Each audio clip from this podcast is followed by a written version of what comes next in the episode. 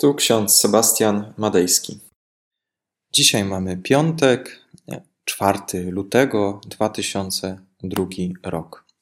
Z książeczki z Biblią na co dzień, trzecia księga Mojżeszowa, 19 rozdział, 32 werset.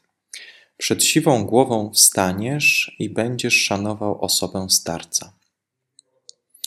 Oraz list do Rzymian, 12 rozdział, 10 werset. Wyprzedzajcie się wzajemnie w okazywaniu szacunku. Jest takie przysłowie: starość, nie radość. I ten temat dzisiejszy, jakim jest starość, jest dla mnie w pewien sposób wyzwaniem. No po co ja mogę powiedzieć o starości? Przecież jestem człowiekiem młodym, dwudziestoparoletnim, który w zasadzie nie może wypowiadać się o starości, jeszcze tego nie przeżyłem. Jeżeli dane mi będzie kiedykolwiek przeżywać, e, to pytanie, jak będę wspominać te lata, kiedy żyję teraz. W staroczności e, człowiek 35-40-letni już był uważany za człowieka starego.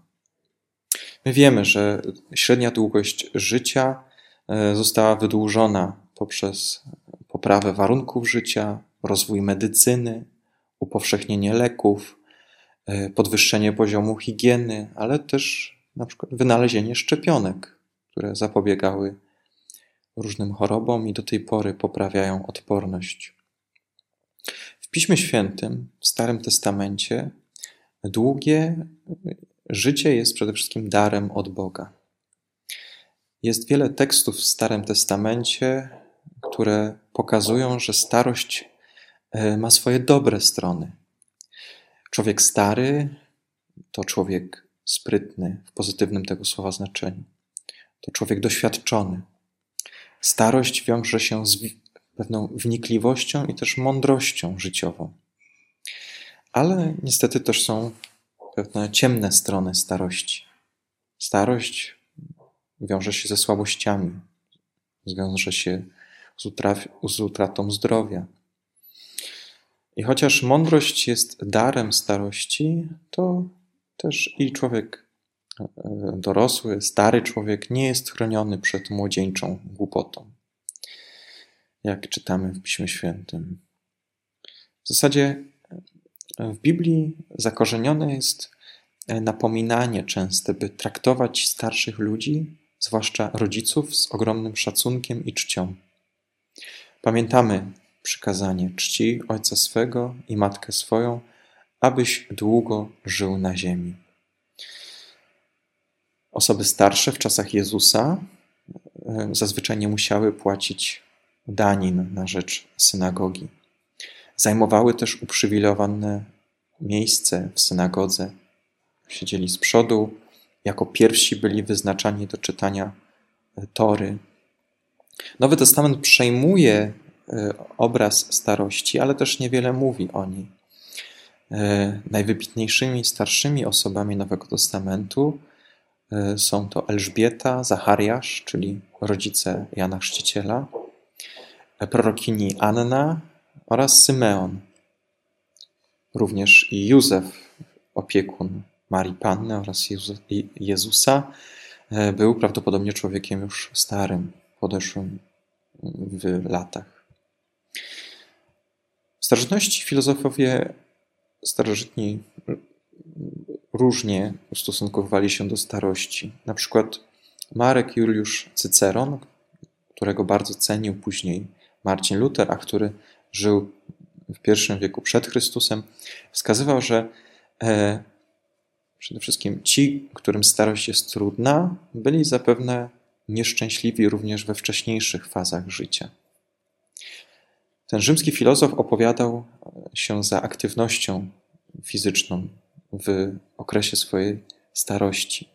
Ten, kto zachowuje i wykorzystuje swoje zasoby, swoje siły fizyczne i duchowe, powinien je na starość dalej ćwiczyć, praktykować e, ćwiczenia, ćwiczyć pamięć, wykazywać się roztropnością, mądrością, gorliwością i pracowitością. Marek Juliusz Cyceron odnajdywał sens poprzez zaangażowanie się w sztukę i w naukę. Również i starsi Żydzi w czasach Jezusa poświęcili ogromną ilość czasu na studiowanie Pisma Świętego, na studiowanie Tory. Cyceron uważał starość za błogosławieństwo.